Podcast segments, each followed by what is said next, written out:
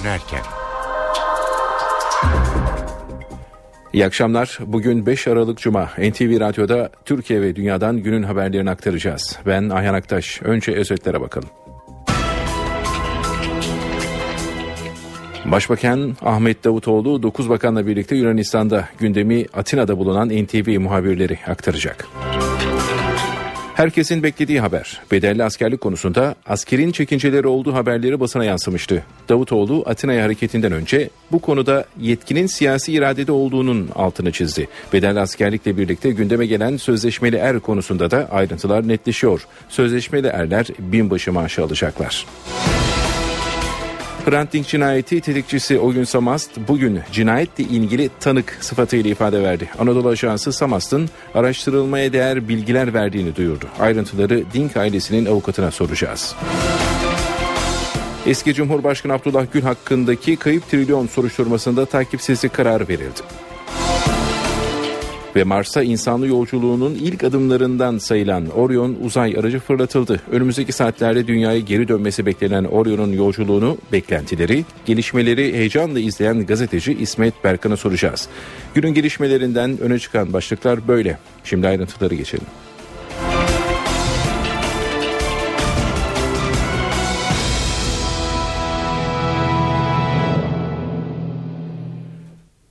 Başbakan Ahmet Davutoğlu'nun grup konuşmasında duyurmasıyla birlikte Türkiye 3 gündür bedelli askerlik konusunu tartışıyor.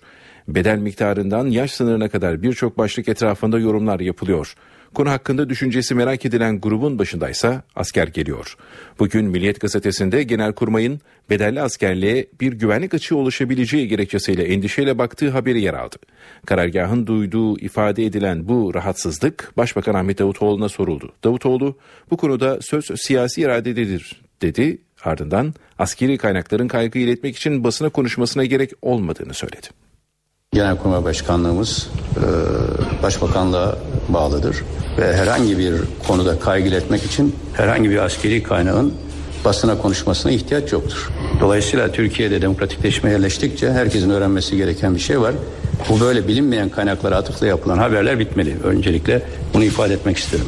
Türkiye'de işleyen sağlıklı süreçler vardır ve bu sağlıklı süreçler için hem devlet geleneği içinde hem de demokratik kültür içinde kurumlar arasında istişareler yapılır. Nihai karar siyasi iradeye aittir ve bu konuda da Türk Silahlı Kuvvetlerimizin son derece kökleşmiş bir geleneği var ve son derece de açık bir tutumu var. Yaşta konu ele alındığında e, zaten genel bir perspektifle bu konuda e, olumlu kanaatler ifade edildi. Yani özellikle belli bir birikim sayıya ulaşılmış ve bu anlamda askerliğin etkin olarak yapılması açısından ama nihai olarak bunun yaşının ne olacağı ve miktar şeyinin ne olacağı hususu e, ücretin ne olacağı hususu Bakanlar Kurulu'nun takdirine aittir.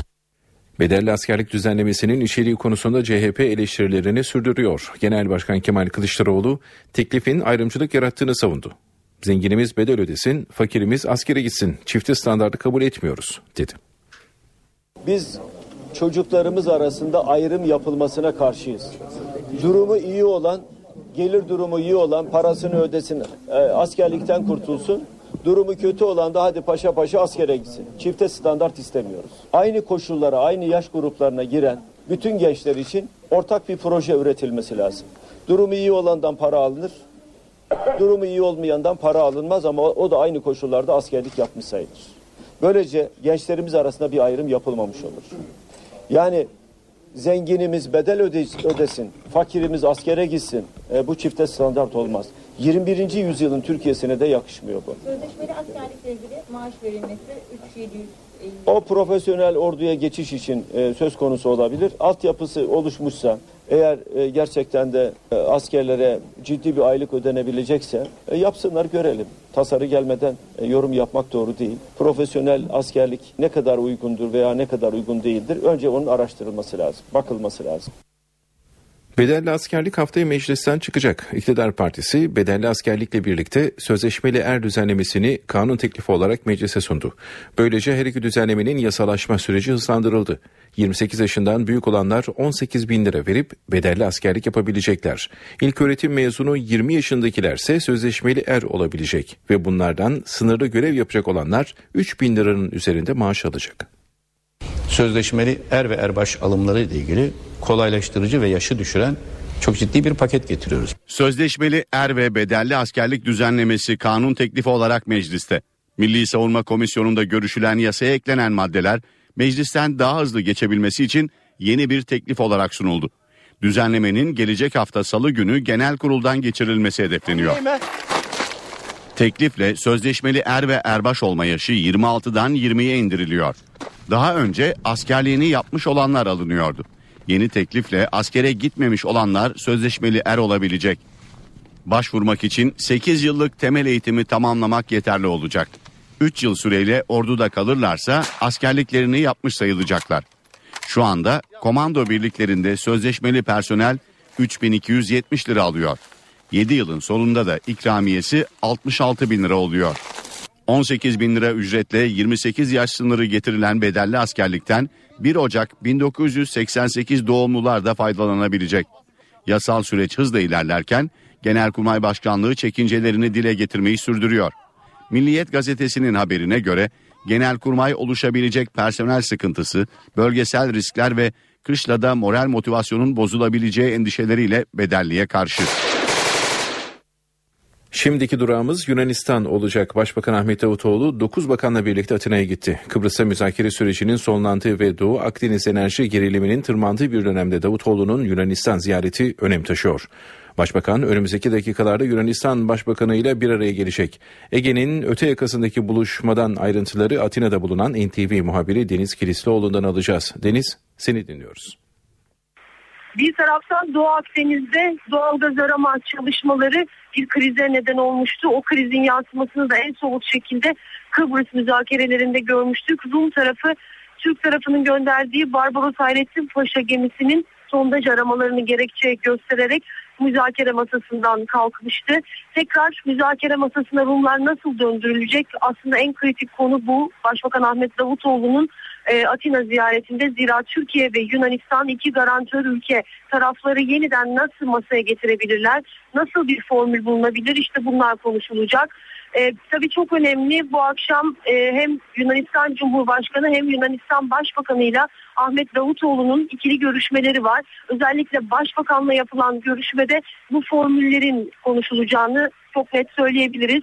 Türkiye hiçbir şekilde geri adım atmak istemiyor. Çünkü Rum tarafının ilk olarak tek taraflı bir adım attığını doğalgaz aramalarıyla ilgili söylüyor. Dolayısıyla bunu gerekçe göstererek e, eğer gelirler paylaşılmayacaksa, eğer ortak bir nokta bulunmayacaksa e, Türk tarafı bu süreçte dışlanırsa işte o zaman Barbaros Hayrettin Paşa gemisini geriye çekmeyiz diyor. Türkiye'nin pozisyonu bu anlamda çok net ama diğer taraftan Rumlarda eğer bir müzakere yeniden başlayacaksa bunun için Barbaros Hayrettin Paşa gemisinin geriye çekilmesi gerekiyor diyor. Dolayısıyla tarafların pozisyonları bu kadar netken nasıl bir formül bulunacak bu merak ediliyor.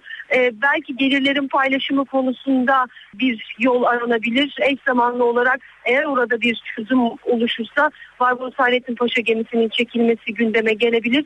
Dolayısıyla tüm bu formüller masada olacak. En kritik başlık tabii ki bu konu Kıbrıs konusu. Bir diğer önemli konu Türkiye ve Yunanistan denildiği zaman her zaman gündeme gelen ikili sorunlar Ege başta olmak üzere. Bunlarla ilgili zaten uzun süredir istikşafi görüşmeler devam ediyordu. Nasıl bir yol alındı, nereye vardırılabilir bunlar konuşulacak temel bazı talepler özellikle Batı Trakya Türkleri konusunda Türklerin var. Yunanistan tarafının Ruhban Okulu'nun açılması konusunda talepleri var. Türkiye her zaman mütekabiliyet yani karşılıklılık ilkesini önemsemişti. Dolayısıyla bununla ilgili olarak neler yapılabilir bunlar konuşulacak ki Atina'da bir cami konusu Türkiye için son derece önemliydi. Ee, Yunanistan'da bazı onaylar çıkmıştı ama hala inşaata başlanmadı caminin. Dolayısıyla bunlar da konuşulacak. Tüm bu ikili sorunlara ve Kıbrıs sorununa rağmen Türkiye ve Yunanistan ikili ilişkileri geliştirmek anlamında da bu ziyareti e, son derece önemsiyorlar. Neler yapılabilir ki 5.6 milyar dolarlık bir ticaret hacmi var. Bunun geliştirilmesi konusunda ne gibi adımlar atılabilir? Bunlar değerlendirilecek. Başbakan Ahmet Davutoğlu 9 bakanla Atina'ya geldi. Dolayısıyla Atina'da işbirliğini geliştirme belki yeni anlaşmalar değil ama daha önce imzalanmış yüksek düzeyli işbirliği konseyi toplantılarında imzalanmış anlaşmaların e, ileriye götürülmesi, yürürlükte sıkıntı olan bazı konuların gündeme tekrar taşınması olası. Dolayısıyla ekonomi ayağı son derece önemli. Tabii bir not da aktarmak gerekiyor. Başbakan Ahmet Davutoğlu çok geniş bir iş adamı heyetiyle e, Atina'ya geldi. E, bir iş forumu olacak bu akşam saatlerinde. Türk ve Yunan iş adamları özellikle turizm ve enerji alanında ne gibi işbirlikleri yapabilirler? Bunlar konuşulacak. Başbakan Ahmet Davutoğlu'nun Atina ziyareti başladı. Bugün Cumhurbaşkanı ve Başbakanla görüşecek. İş forumuna katılacak. Aynı zamanda e, Batı Trakya Türkleriyle görüşecek. Rum azınlık liderleriyle bir araya gelecek. Ama diğer taraftan yarın da gözler ortak kabine toplantısında olacak. Yüksek düzeyli işbirliği konseyinin 3. toplantısı yapılacak. Bakanlar önce bir araya gelecekler. Sonrasındaki ortak kabine toplantısının ardından da ortak bir basın açıklaması olacak ve bu ziyaretin belki de verilecek en somut mesajları orada verilecek. Başbakan Davutoğlu'nun Yunanistan ziyaretinden notları Atina'da bulunan NTV muhabiri Deniz Kilislioğlu aktardı. Eve dönerken haberlere kısa bir reklam arası veriyoruz. Eve dönerken devam ediyor. Haberlerle devam ediyoruz. Eve dönerken Hrant Dink cinayeti soruşturmasında gelişmeler var. Bugün Dink cinayeti tetikçisi o gün Samast, soruşturma savcısı Yusuf Doğan'a mektup yazıp cinayetle ilgili konuşmak istediğini belirtmişti. O gün Samast bugün İstanbul Adliyesi'ne getirildi ve tanık sıfatıyla ifade verdi. Samast 3 saat süren ifadesinin ardından yeniden cezaevine götürüldü. Dink davası ile ilgili dün de eski istihbarat müdürü Ali Fuat Yılmazer ifade vermişti. Yılmazer'in ifadesinde İstihbarat Daire Başkanlığı arşivinde Hrant Dink ile ilgili açılmış dosya vardır. Başlangıçta Hrant Dink hakkında sol faaliyetlerinden dolayı bir fiş vardı dediği öğrenildi. Dink davasındaki son gelişmeleri Dink ailesinin avukatlarından Bahri Belen'le konuşacağız. İyi akşamlar Sayın Belen. İyi akşamlar. Ee, kamu görevlileri için soruşturma süreci başlatıldı. İfadeler yeniden alınıyor. Yılmaz'ın söyledikleri çarpıcı. Siz bugün savcılıktan bugün bir talepte bulundunuz. İsteğiniz neydi? Fişleme açıklamasını nasıl değerlendiriyorsunuz? E, biliyorsunuz bu Bakırköy 8 Ağır Ceza Mahkemesi'nin e, kamu görevleriyle ilgili olaraktan e, verilen takipsizlik kararını kaldırılması ki buna Adalet Bakanlığı'na e, kanun yararına bozma içinde başvurdu savcı. O da reddi oldu. E, bu kamu görevlilerinin ifadelerine başvuruluyor. Yılmaz Er'in ifadesi aslında e, daha evvelden de biliyorsunuz Erhan Tuncer onları sorumlu tutmuştu.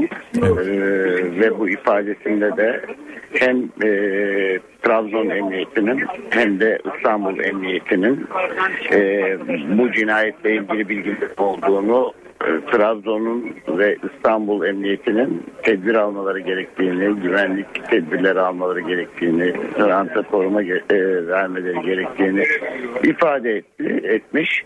E, bunlar bizim baştan beri söylediğimiz şeylerin bir tekrarı. E, kendisiyle ilgili suçlamaları da kabul etmiyor tabii. Ama olay bir bütün olarak bakıldığında hem Trabzon Emniyeti'nin hem İstanbul Emniyeti'nin hem de bunların e, bütün istihbari bilgilerinin toplandığı Emniyet Genel Müdürlüğü İstihbarat Dairesi'nin sorumluluğu var burada. Kamu görevlilerinin şüpheli sıfatıyla peki ifade vermesi Dink davasını ters yüz eder mi?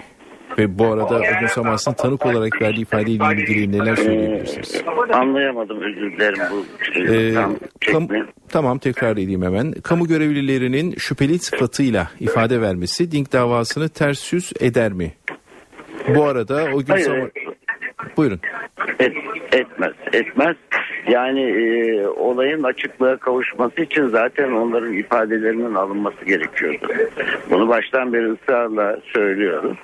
E, burada hangi kademede ve kimin bu konuda e, sorumlu olduğu, kusurlu olduğu zaten böyle bir aşamada belli olacak ve ortaya çıkacak. Peki o gün Samast'ın tanık olarak verdiği ifadeyle ilgili neler söyleyebilirsiniz? Tanık olması ne ifade ediyor sizce?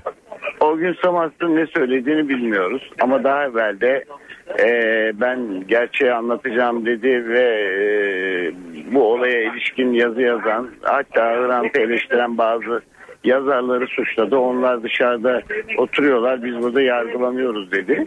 O gün Samas'ın ciddi bir açıklamada bulunacağını sanmıyorum. Ama tabii hiç belli olmaz. Yani olayın tetikçisi e, ve olayın kendisine bu tetikçi olarak görev verilmesi süreçleri bilen bir insan dileriz olayı açıklığa kavuşturacak bir açıklama yapmıştır. Teşekkürler Sayın Belen. Kolay gelsin. İyi Sağ yayınlar. Sağ olun. Gelişmeleri Dink ailesinin avukatlarından Bahri Belen'le konuştuk. NTV Radyo Yargıtay kararıyla iki kez bozulan Mısır Çarşısı davasında bugün yerel mahkemede duruşma günüydü. Savcı daha önce iki kez beraat eden sosyolog Pınar Selek için ağırlaştırılmış müebbet hapis cezası istedi. İşte ayrıntılar ve Mısır Çarşısı davasının seyri. 16 yıllık davada dördüncü kez sona gelindi. İstanbul 15. Ağır Ceza Mahkemesi'nde görülen duruşmaya sanıklar Pınar Selek ve Abdülmecit Öztürk katılmadı. Esas hakkındaki mütalasını açıklayan savcı iki sanığın terör örgütü üyesi olduklarını, örgütün amacı doğrultusunda Mısır çarşısına bomba yerleştirdiklerini öne sürdü. Selek ve Öztürk'ün devlet idaresi altındaki toprakları bölmeye çalışmak suçundan ağırlaştırılmış müebbet hapisle cezalandırılmalarını talep etti. Pınar Selek'in avukatı mahkemenin daha önce iki kez beraat kararı verdiğini hatırlatarak son savunma için süre istedi. Duruşma 19 Aralık'a ertelendi. 1998'de Eminönü'ndeki Mısır çarşısında 7 kişinin öldüğü, 127 kişinin de yaralandığı patlama sonrası Pınar Selek'in de aralarında bulunduğu 15 kişi yakalandı. Bazı sanıklar hakkında örgüt adına gerçekleştirdikleri eylemler nedeniyle hapis cezası verildi. Pınar Selek ise beraat etti. Mahkeme patlamaya LPG'nin mi yoksa bombanın mı neden olduğu belirlenemediği için Selek'e ceza verilmesini uygun görmedi. Ancak Yargıtay 9. Ceza Dairesi Selek hakkında verilen beraat kararlarını iki kez bozdu. Üçüncü yargılamada mahkeme heyetine yeni katılan iki üyenin oyuyla Pınar Selek ağırlaştırılmış müebbet hapis cezasına çarptırıldı. Yargıtay bu kararı da usulden bozdu. Yerel mahkemenin kararının hukuki yanılgı sonucu verildiğinin belirlendiği, sair yönleri incelenerek bozma kararı verildiği belirtildi. Pınar Selek dosyası özel yetkili mahkemeler kaldırıldığı için İstanbul 15. Ağır Ceza Mahkemesi'nde yeniden görülüyor. Para ve sermaye piyasalarındaki işlemlere bakalım. Borsa İstanbul şu sıralarda 85.554 puan seviyesinde. Serbest piyasada dolar 2 lira 25 kuruş, euro 2 lira 77 kuruştan işlem görüyor. Kapalı çarşıda ise Cumhuriyet altını 583, çeyrek altın ise 141 liradan satılıyor. Saatimiz 17.26'yı gösteriyor. NTV Radyo'nun yayını kısa bir aranın ardından Kemal Yurteri'nin hazırlayıp sunduğu muhabirden programıyla devam edecek.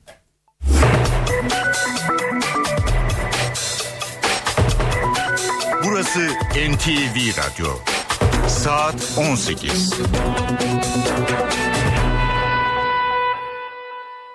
Saat 18. Türkiye ve dünyada günün öne çıkan haberlerini aktarıyoruz. Başbakan Ahmet Davutoğlu 9 bakanla birlikte Yunanistan'da Atina notlarını Selio Berberakis'ten alacağız. Başbakan bedelli askerlik konusunda askerin çekinceleri olduğu haberleri üzerine açıklama yaptı. Bu konuda yetkinin siyasi iradede olduğunu vurguladı. Bedelli askerlik ve sözleşmeli er düzenlemesinin meclis takvimi de netleşti. Başkentten notları canlı bağlantıyla aktaracağız. 16 yıllık Mısır Çarşısı davasında savcı sosyolog Pınar Selek için bir kez daha ağırlaştırılmış müebbet hapis cezası talep etti. Antalya'da devam eden Milli Eğitim Şurası'nda Otelcilik ve Turizm Meslek Lisesi programından alkollü içki ve kokteyl hazırlama dersinin çıkarılması önerisi benimsendi. Tahkim Kurulu Beşiktaşlı Mustafa Pektemey'in iki maçlık cezasını bir maça düşürdü. Günün gelişmelerinden öne çıkan başlıklar böyle. Şimdi ayrıntılara geçelim.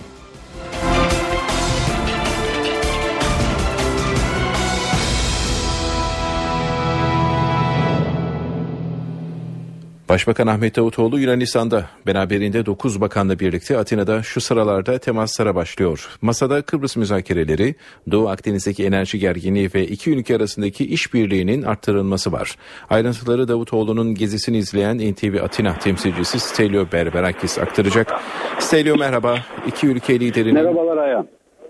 Özellikle merhaba özellikle Kıbrıs konusundaki tutumunda bir yumuşama olur mu? Davutoğlu'nun Atina gezisinden notlarını senden dinleyelim. Ee, evet Ayhan dediğin gibi Davutoğlu Atina ziyaretine bugün başladı. Cumhurbaşkanı e, Carlos Papulias'ı ziyaret ederek hemen ardından da Yunan Başbakanı Andonis Samaras'la görüştü. Biraz sonra da bu iş forumunda bir konuşma yapmak için e, buraya gelecek. Ya biz de onu burada bekliyoruz e, Türk ve Yunan iş adamlarıyla birlikte.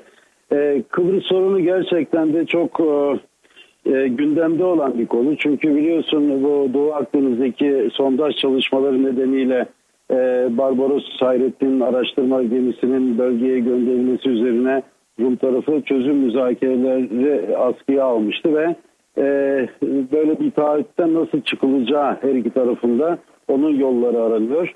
Bu konuda e, Dışişleri Bakanı, Yunan Dışişleri Bakanı Venizelos geçen hafta Ankara'yı ziyaret etmişti. E, bu ziyareti de zaten Ahmet Davutoğlu'nun yani Başbakan Davutoğlu'nun Atina'yı ziyaret hazırlıkları çerçevesinde olmuştu ve e, öğrendiğimiz kadarıyla o, bu konu orada da ele alındı ve bir çıkış formülü üzerinde e, çalışmaların sürdürüldüğünü öğrendik. Şimdi bu çıkış formülü nasıl olacak? Yani çünkü Rum tarafı Barbaros Hayrettin Paşa bölgeden ayrılmazsa biz e, müzakere masasına dönmeyiz diyor. E, Türk tarafı da e, sondajlar devam ederse Barbaros buradan gitmeyecek diyor. Yani ikisi de böyle e, kendilerini bağlamış durumdalar. E, fakat şu e, Başbakan Davutoğlu'nun Atina ziyareti günlerinde yani şu konuştuğumuz sıralarda Rum tarafında hummalı bir yasa tasarısı üzerine çalışmalar yapılıyor. Bu yasa tasarısı da e, bölgeden çıkarılacak olası e, miktardaki e, doğal gaz ve petrolün sağlayacağı gelirin iki toplum arasında nasıl e, paylaşılacağı ve ortak bir bütçenin oluşturulacağıyla ilgili Rum tarafını bağlayan bir yasa tasarısının e, Rum parlamentosu tarafından onaylanması ile ilgili e, çalışmalar sürdürüyor. Eğer bu yasa e, Türk tarafını ikna eder ki e, ikna etmesi de bekleniyor yani en azından beklenti e, çerçevesinde o zaman işte müzakere masası iki tarafta oturulacak demektir. Fakat böyle bir açıklamanın Atina'da e, yapılması da pek ihtimal dahil değil. Çünkü Rum lider e, kalp ameliyatı için hala Amerika Birleşik Devletleri'nde bulunuyor. E, böyle bir uzlaşma sağlanması da herhalde bu açıklamalar Kıbrıs'ta taraftan da yapılacak. Onun ötesinde tabii Ayhan biliyorsun ile Yunanistan arasında siyasi sorunlar da var. Ege kıtlığı, hava e, sahası ile ilgili. Fakat e, bunlar tabii yıkılmış e, ve sabitlenmiş e, e, sorunlar. Bunların da ele alınması bekleniyor. Fakat e, yani işte e, kıta sahanlığını çözdük veya hava sahasını belirledik gibi veya deniz e, bölgesini belirledik gibi bir açıklama e, yapılması beklenmiyor. Bu zaten Dışişleri Bakanlıkları kendi aralarında yıllarca görüşüyorlar. E, son olarak şunu söyleyebilirim. E, buraya 80 e, Türk iş adamı da geldi. Buradaki e, meslektaşlarıyla beraber e, kendi aralarında bir toplantı düzenleyecekler. Çeşitli workshoplar yapacaklar. Yani e, işbirliklerini nasıl geliştireceklerine dair toplantılar düzenleyecekler ve zaten bu foruma Yunan Başbakanı gerekse Türk Başbakanı az sonra yapacakları açılış konuşmalarıyla başlatmış olacak. Yarın da bu ziyaret sona erecek. Son olarak not düşmek gerekirse çok büyük e, güvenlik önlemleri var Atina'da. Şöyle ki e, bugünlerde 2008 yılında e, bir polis kurşunuyla 15 yaşındaki bir e, e, gencin ölümünün anısına e, bir e, dev gösteri düzenleniyor e, bugün ve yarın. O nedenle e, Davutoğlu'nun ziyaretine e, alınan e, önlemlere ek olarak daha fazla ek önlemler alındı. Dolayısıyla Atina'nın merkezinde pek dolaşmak mümkün olmuyor diyebilirim şimdi Ayhan. Başbakanın Yunanistan gezisinden notları NTV Atina temsilcisi Stelio Berbarakis aktardı. Türkiye'de beklenen haber bedelli askerlik. AK Parti düzenlemenin hızla yasalaşması için bedelli askerlik ve sözleşmeli er düzenlemelerini ayrı bir kanun teklifi halinde bugün meclise sundu. Ayrıntıları parlamento günlüğünde NTV muhabiri Miray Aktağoluş anlatacak. Miray seni dinliyoruz. Ayhan sözleşmeli er ve erbaş düzenlemesi içine bedelli askerlik konularak Türkiye Büyük Millet Meclisi'ne bir kanun teklifi olarak gönderildi. AK Parti Grup Başkan Vekillerinin imzasıyla meclise gönderildi söz konusu düzenleme. Milli Savunma Komisyonu'nda görüşülen yazıya eklenen maddeler meclisten daha hızlı geçsin diye AK Parti bu düzenlemeyi yeni bir teklif olarak Türkiye Büyük Millet Meclisi'ne sundu. Belki de en çok beklenen aslında bu düzenleme ile ilgili bedelli askerliğin ne zaman çıkacağı sorusuydu. AK Parti bu konuda son derece hızlı davranmayı planlıyor. Çünkü düzenlemenin pazartesi günü Milli Savunma Komisyonu'na gelmesi hemen komisyondan geçirilmesi çünkü zaten az maddelik bir teklif ve sonrasında da Türkiye Büyük Millet Meclisi'nde genel kurulda görüşülerek kısa bir sürede Cumhurbaşkanı Recep Tayyip Erdoğan'ın onayına gönderilmesi bekleniyor. Bu yüzden salı günü yasalaşmasının muhtemel olduğunu söyleyebiliriz. Salı günden itibaren Meclis Genel Kurulu'nda görüşmeleri yapılacak. Yani bütçe görüşmelerinden önce AK Parti bu düzenlemeyi kanunlaştırmayı hedefliyor. Teklif sadece bedelli askerlikle ilgili değil, sözleşmeli er ve erbaş olma yaşıyla ilgili de düzenlemeler var. 26'dan 20'ye iniyor tek, e, sözleşmeli er ve erbaş olma yaşı. Daha önce askerliğini yapmış olanlar alınıyordu sözleşmeli askerliği ancak yeni teklifle askerliğe gitmemiş olan askerliğini yapmamış olanlar da sözleşmeli er olabilecekler. Başvurmak için 8 yıllık eğitimi tamamlamak yeterli olacak. 3 yıl süreyle orada kalırlarsa askerliklerini yapmış sayılacaklar ve şu anda komando birliklerinde sözleşmeli personel 3270 lira alıyor ve 7 yılın sonunda da ikramiyesi 66 bin lira oluyor. 18 bin lira ücretli 28 yaş sınırı getirilen bedelli askerlikle ilgili ise 1 Ocak 1988 doğumlarda bu düzenlemeden faydalanabilecekler ve yasal süreç hızla ilerlerken bir taraftan da Genelkurmay Başkanlığı'nın çekinceleri gündemde. Çünkü başkanlık çekincelerini dile getirmeyi sürdürüyor. Bugün basında yer alan haberler vardı. Genelkurmay oluşabilecek personel sıkıntısı, bölgesel risk, riskler ve kışlada moral motivasyonun bozulabileceği endişeleriyle bedelliye karşı çıktığını ifade etmişti. Ancak hükümet cephesinde bu açıklamalar olumlu karşılanmadı. Ee, AK Parti iktidarı kısa bir süre içerisinde bedelliği çıkarmaya hazırlanıyor. Yaklaşık 700 bin kişinin faydalanması beklenen bu düzenlemenin önümüzdeki hafta yasalaşması muhtemel. Ayhan Bedelli askerlik ve sözleşmeli er düzenlemesinde son durumu parlamento günlüğünde Mirayak'ta olacaklardı. Bedelli askerlik düzenlemesine Genelkurmay'ın orduda güvenlik açığı oluşacağı endişesiyle karşı çıktığı haberi bugün Milliyet Gazetesi'nde yer aldı. Bu haber bugün Başbakan Ahmet Davutoğlu'na soruldu. Başbakan söz siyasi iradenindir dedi. Ardından askeri kaynakların kaygıyı iletmek için basına konuşmasına gerek olmadığını söyledi. Genelkurmay Başkanlığımız e, Başbakanlığa bağlıdır ve herhangi bir konuda kaygı iletmek için herhangi bir askeri kaynağın basına konuşmasına ihtiyaç yoktur. Dolayısıyla Türkiye'de demokratikleşmeye yerleştikçe herkesin öğrenmesi gereken bir şey var. Bu böyle bilinmeyen kaynaklara atıfla yapılan haberler bitmeli. Öncelikle bunu ifade etmek isterim. Türkiye'de işleyen sağlıklı süreçler vardır. Ve bu sağlıklı süreçler için hem devlet geleneği içinde hem de demokratik kültür içinde kurumlar arasında istişareler yapılır. Nihai karar siyasi iradeye aittir. Ve bu konuda da Türk Silahlı Kuvvetlerimizin son derece kökleşmiş bir geleneği var. Ve son derece de açık bir tutumu var. Yaşta konu ele alındığında e, zaten genel bir perspektifle bu konuda e, olumlu kanaatler ifade edildi. Yani özellikle belli bir birikim sayıya ulaşılmış ve bu anlamda askerliğin etkin olarak yapılması açısından ama nihai olarak bunun yaşının ne olacağı ve miktar şeyinin ne olacağı hususu e, ücretin ne olacağı hususu Bakanlar Kurulu'nun takdirine aittir. Bedelli askerlik CHP Genel Başkanı Kemal Kılıçdaroğlu'na da soruldu. CHP lideri teklifin ayrımcılık yarattığını savundu. Zenginimiz bedel ödesin, fakirimiz askere gitsin. Çifte standartı kabul etmiyoruz dedi. Biz çocuklarımız arasında ayrım yapılmasına karşıyız. Durumu iyi olan, gelir durumu iyi olan parasını ödesin, e, askerlikten kurtulsun. Durumu kötü olan da hadi paşa paşa askere gitsin. Çifte standart istemiyoruz. Aynı koşullara, aynı yaş gruplarına giren bütün gençler için ortak bir proje üretilmesi lazım. Durumu iyi olandan para alınır, durumu iyi olmayandan para alınmaz ama o da aynı koşullarda askerlik yapmış sayılır. Böylece gençlerimiz arasında bir ayrım yapılmamış olur. Yani zenginimiz bedel ödesin, fakirimiz askere gitsin. E, bu çifte standart olmaz. 21. yüzyılın Türkiye'sine de yakışmıyor bu. Sözleşmeli askerlikle ilgili maaş verilmesi 3750.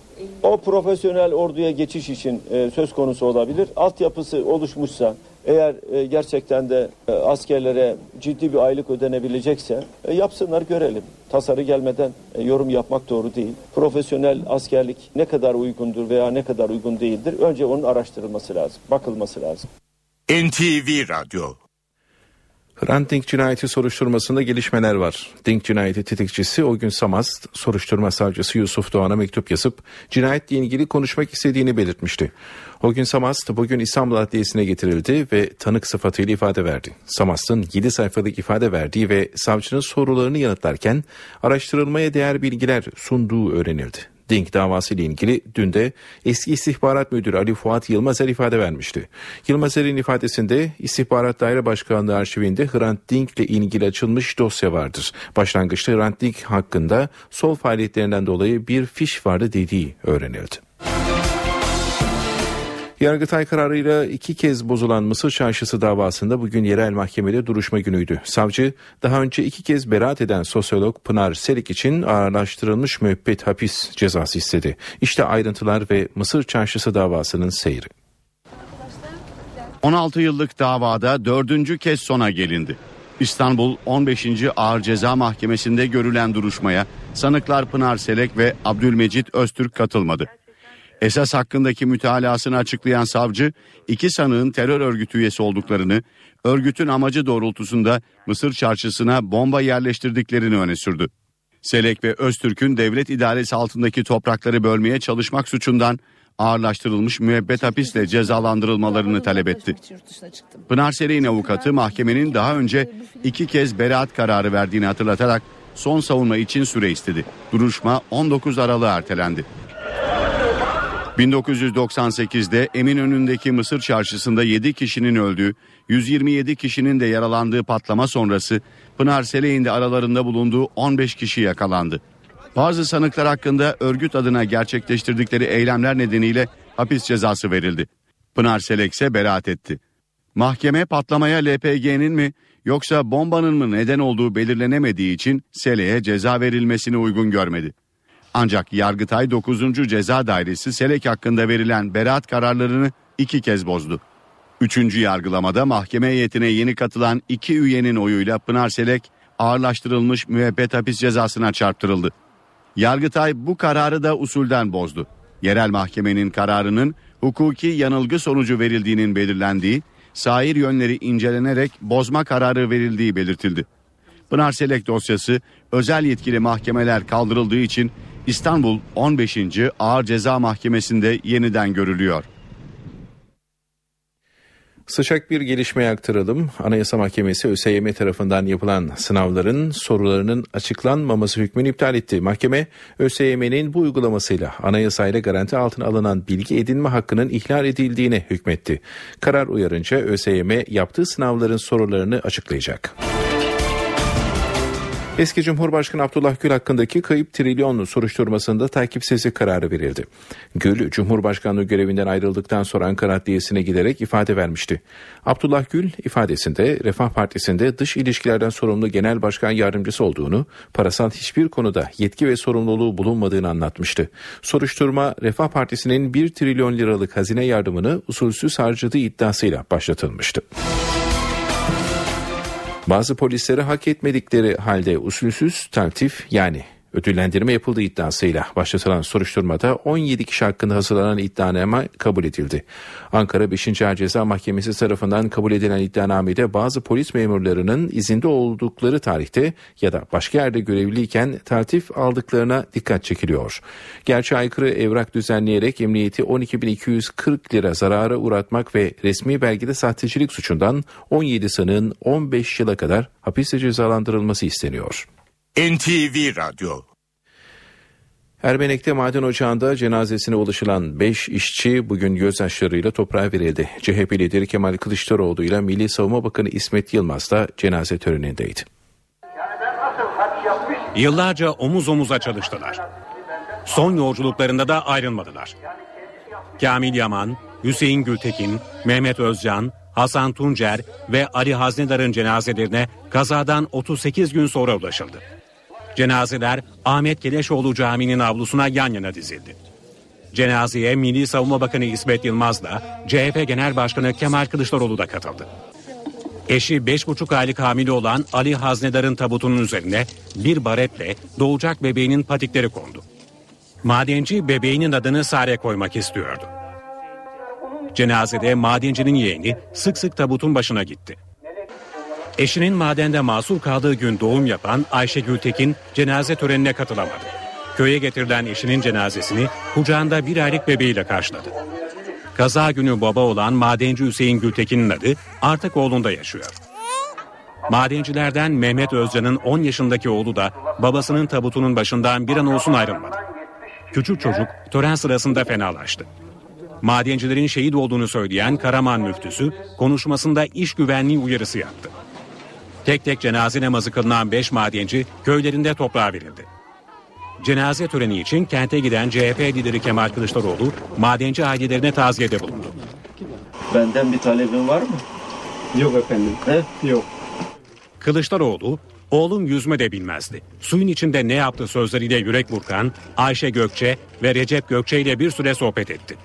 İkinci defa gördüm seni bu köyde ben. Hoş geldin tapu geldin. Tepemizde yerin var. Sağ ol çok teşekkür ederim. Avrupa İnsan Hakları Mahkemesi kararının ardından hükümet Alevi açılımı için çalışırken İstanbul'da bir ilçe belediyesi Maltepe Belediyesi Cem- cemevine ibadethane statüsü verdi. Kararı itiraz eden AK Parti üyeler bu konuda yetkinin belediyede değil Türkiye Büyük Meclisi Millet Meclisi olduğunu savunuyor. Cemevleri ibadethanedir. Karar Maltepe Belediyesi meclisinden çıktı. Maltepe Belediyesi bir iki imza atarak oy çokluğuyla önergeyi kabul etti. Bizim burada almış olduğumuz karar çok gayri resmi bir karar değildir. Ben bir sünni olarak bu kararı destekliyorum. İnsanların rahat ibadet edebilmeleri için bu kararı biz Maltepe yönetisi'nde aldık. AK Parti üyeleri ise red oyu kullandı. Maltepe Belediyesi yerel bir belediye meclisidir. Yerel meclisler yerel konularla ilgili kararlar alabilir. Cemevinin ibadethane sayılması Türkiye Büyük Millet Meclisi'nin görevleri ve yetkileri arasındadır. Bizim bu karar alma yetkimiz yoktur. Yetkimiz olmayan bir karar alın, alındığından dolayı reddoyu verdik. Yılbaşı, Noel, Aşure gibi özel günlerde personelin talep etmesi halinde mazeret izninde kullanabilecek. O günkü günü, o günkü günün anlamını daha iyi yaşayabilmeleri için belediyemizin e, bağlı bulunduğu kurumlardan müracaatla izin alacaklar. Alevi dedeleri de karardan memnun. Bütün toplumların huzur ve barış içinde yaşaması için aldığımız bir karardır. Burada yaşayan Hristiyan, Müsevi, Katolik, Alevi, Sünni fark etmiyor. Biz sadece Maltepe ilçesinde bir örnek teşkil ettik.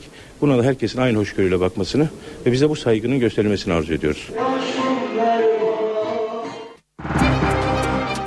Para ve sermaye piyasalarındaki işlemlere bakalım. Borsa İstanbul günü 85.240 puandan tamamladı. Servis piyasada dolar 2 lira 26 kuruş, euro 2 lira 78 kuruştan işlem gördü.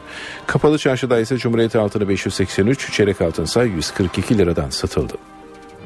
Eve dönerken devam ediyor. Saat 18.31 NTV Radyo'da haber turu başlıyor.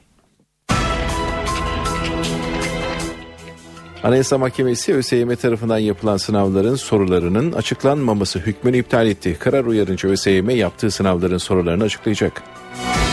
Bedelli askerlik gelecek hafta çıkacak. AK Parti süreci hızlandırmak için bedelli askerlik ve sözleşmeli er düzenlemelerini ayrı bir kanun teklifi olarak meclise sundu. 20 yaşında 8 yıllık eğitimi tamamlamış olanlar sözleşmeli er olabilecek. Sınırda görev yapacak personel 3270 lira alacak. Mısır çarşısında davasında savcı sosyolog Pınar Seley'in ağırlaştırılmış müebbet hapis cezasına çarptırılmasını istedi.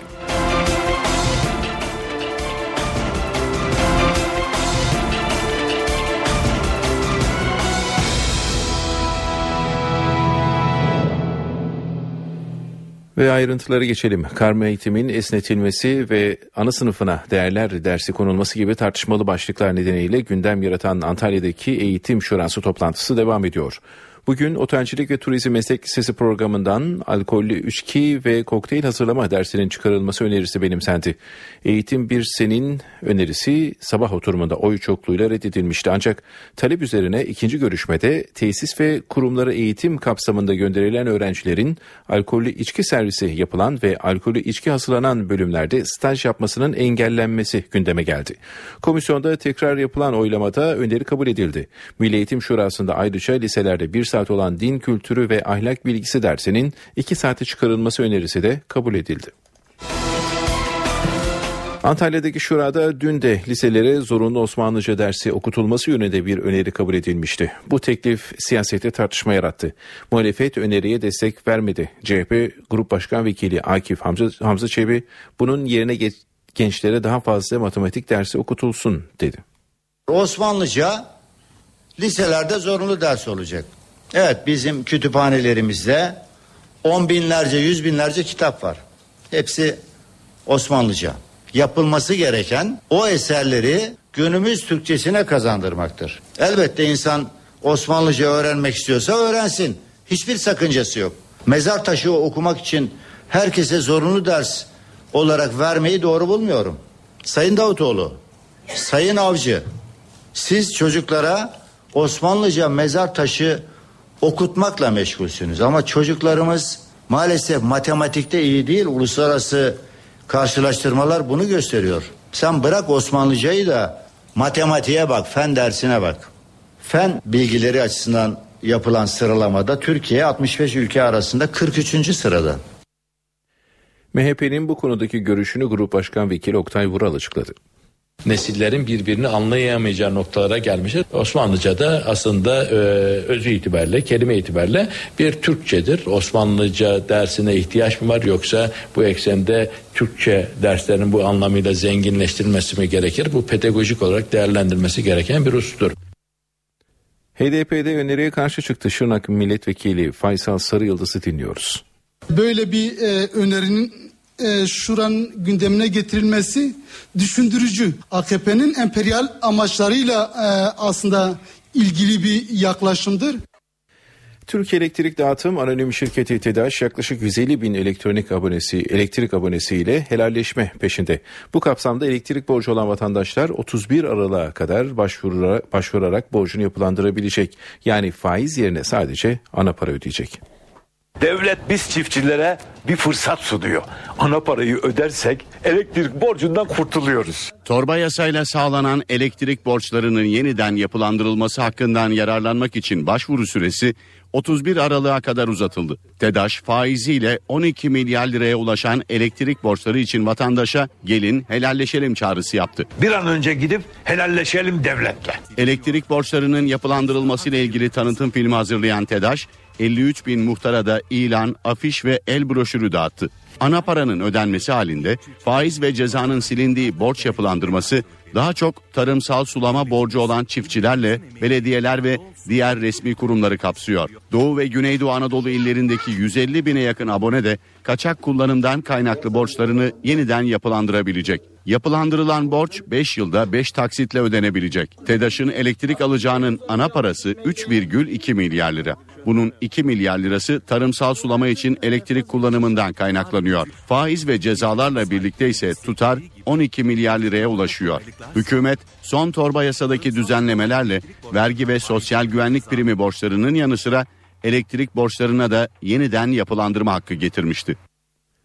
İnsan sağlığını tehdit eden zehirli ayakkabı soruşturması genişledi. Gümrük ve Ticaret Bakanı Nurettin Canikli enselerindeyiz demişti. Gümrük ekipleri piyasaya sürülmek üzere hazırlanan 19 bin yeni zehirli ayakkabı daha buldu. El konulan ayakkabılar imha edilecek. Enselerindeyiz. Tespit ettiğimiz ayakkabıların onlara ait olduğunu tahmin ediyoruz. O firma, o firmayla bağlantılı başka firmalar hepsini masaya yatırıyoruz. 33 bin adet zehirli ayakkabının piyasaya sürülmesi soruşturmasında önemli bir gelişme yaşandı. Soruşturma kapsamında aynı firmaya ait binlerce zehirli ayakkabı daha tespit edildi. Açıklama Gümrük ve Ticaret Bakanlığı'ndan yapıldı. Günlerdir olayı soruşturan bakanlık aynı firma tarafından ithal edilen binlerce ayakkabının daha farklı bir antrepoda olduğunu tespit etti. Bakanlık yetkilileri 19.409 ayakkabıya el koydu. Ayakkabılar imha edilecek. Kasım ayında İstanbul Erenköy gümrüğünde bulunan ve imha edilmek üzere bekletilen ayakkabılar kullanılmış ayakkabılarla değiştirilmişti. Ayakkabıların piyasaya sürüldüğünü öğrenen bakanlık alarma geçmişti. Bakanlığın ayakkabı fotoğraflarını basına dağıtması üzerine Türkiye'nin çeşitli illerinden iadeler başlamıştı. Eve dönerken haberlere bir reklam arası veriyoruz. Eve dönerken devam ediyor. Cumhurbaşkanı Recep Tayyip Erdoğan, Almanya'da uğradığı saldırı sonucu hayatını kaybeden Tuğçe Albayrak'ın ailesini arayarak taziye dileğinde bulundu.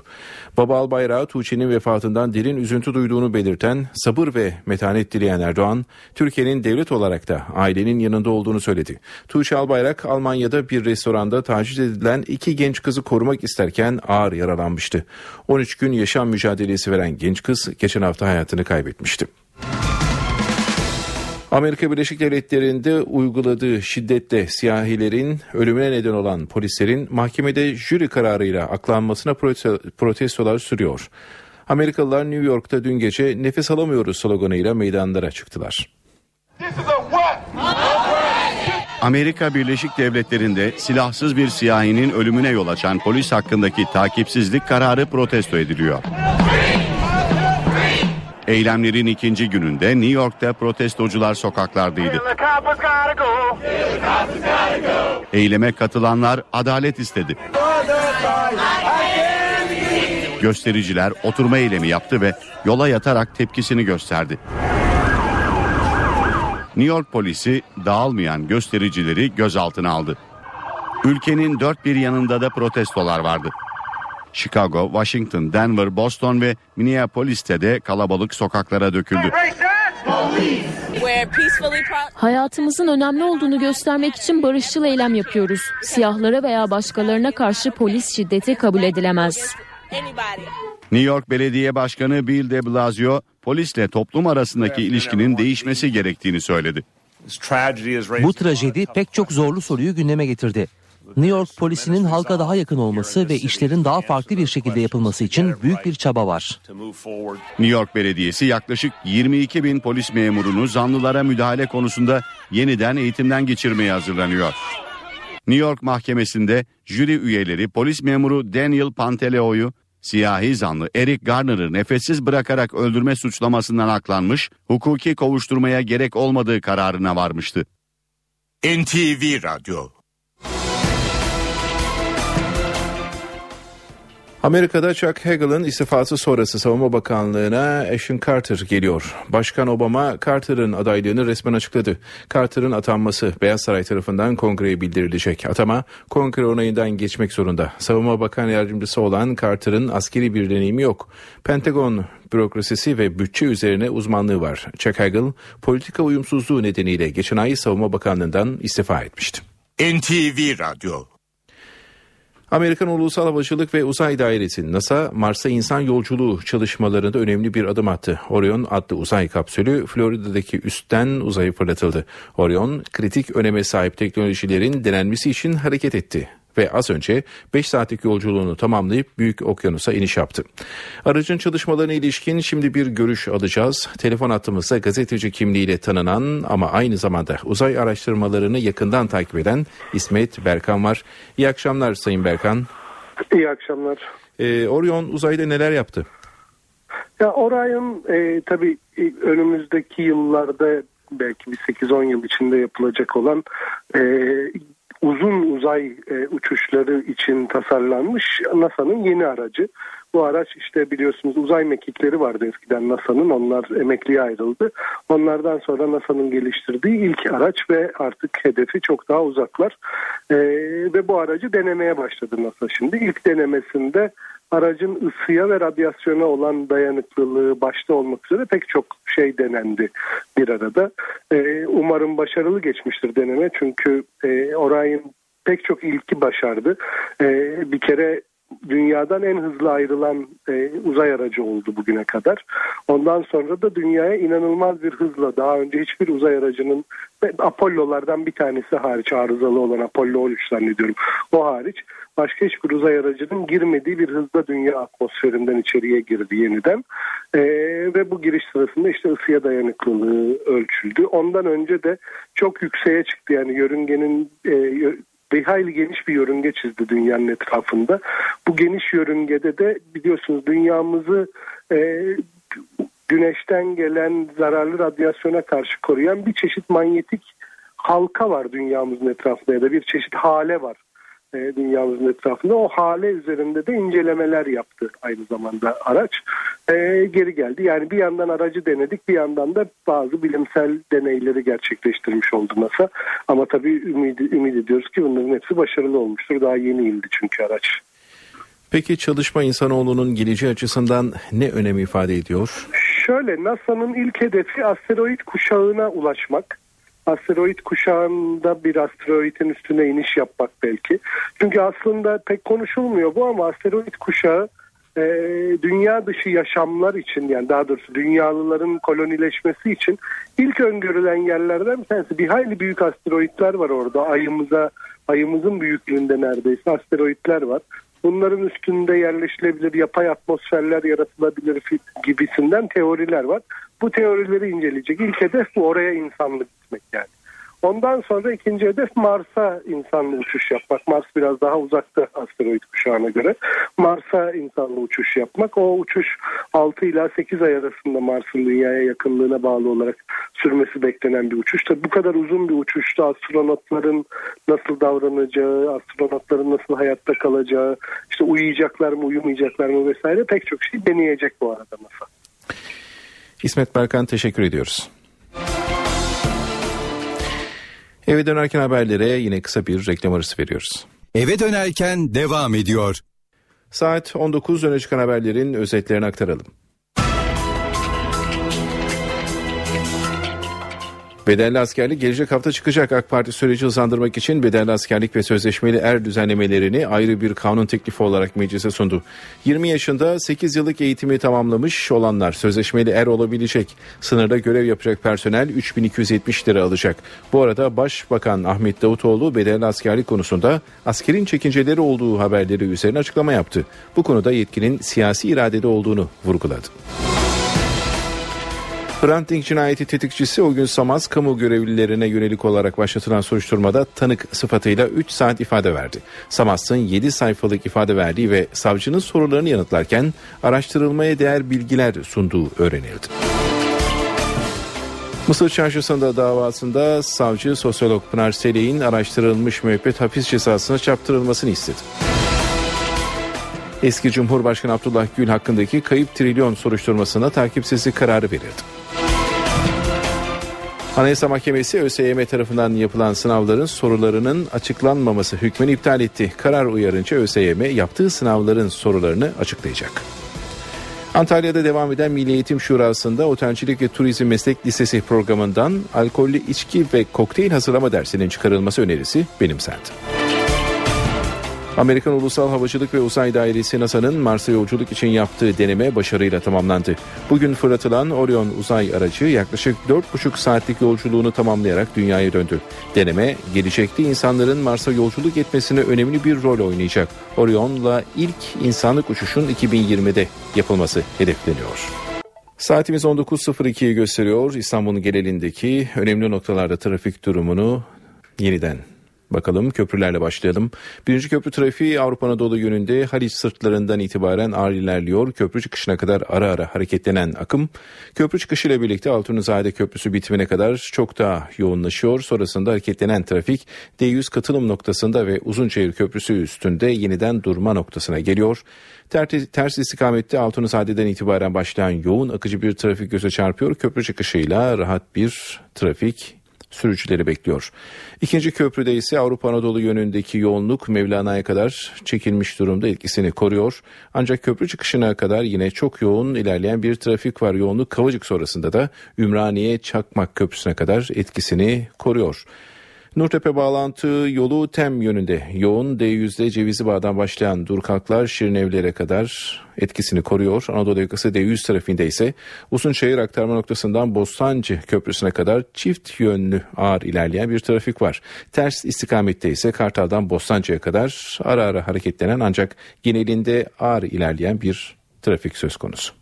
Eve dönerken haberlerin sonuna geldik. Ben Ayhan Aktaş, editör Seven Kazancı, teknik masada İsmet Tokdemir. İyi akşamlar diliyoruz. NTV radyo yayını kısa bir aradan sonra Sevin Okyay'ın hazırlayıp sunduğu Sevin Okyay ile Köşe Bucak programıyla devam edecek.